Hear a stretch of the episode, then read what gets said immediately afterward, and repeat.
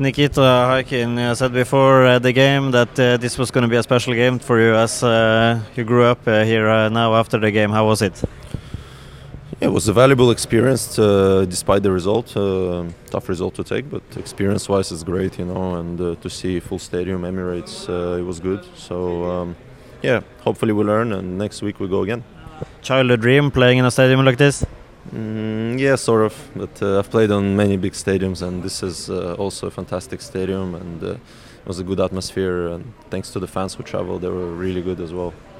3,000 uh, and some more uh, supporters. Uh, from where I sat, I more, more or less only heard the Bodø supporters. How was it on the field? Uh, how much did you hear them?